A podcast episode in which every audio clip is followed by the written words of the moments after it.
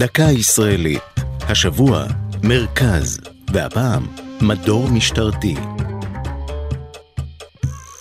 עד לפני שלוש שנים, בחלקו הצפוני של רחוב דיזנגוף בתל אביב, שכנה תחנת משטרה שבחדריה התחוללה מהפכה בעבודת השיטור בארץ. בראשית ימיה התבססו החקירות הפליליות במשטרה על תלונות שהגיש הציבור, דבר שהקשה על מניעת פשיעה מתוכננת. ב-1959 פתח מפקד מחוז תל אביב, ניצב עמוס בן גוריון, ברפורמה ארגונית במערך החקירות במחוז. במסגרתה הוקם המדור המרכזי, יחידה חדשה לחקירת פשעים באופן יזום.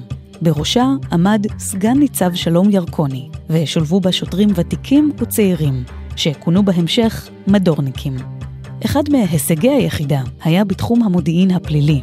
אנשי מפלג המודיעין בהובלת רב פקד יעקב עייש בנו מאגר נתונים על אודות העולם התחתון וריכזו אותו בחרטסות. כך נבנה לראשונה מאגר מידע שסייע להגדיל את מספר החקירות שהסתיימו בהרשעות. בשנת 74 הורחב המדור המרכזי, ובמקומו קמה היחידה המרכזית, ימ"ר, תחילה במחוז תל אביב, וכיום בכל הארץ. יחידות אלה מטפלות בפשיעה החמורה במחוזותיהן, דוגמת עבירות רצח, סמים, פשע מאורגן ועוד. זו הייתה דקה ישראלית על מרכז ומדור משטרתי.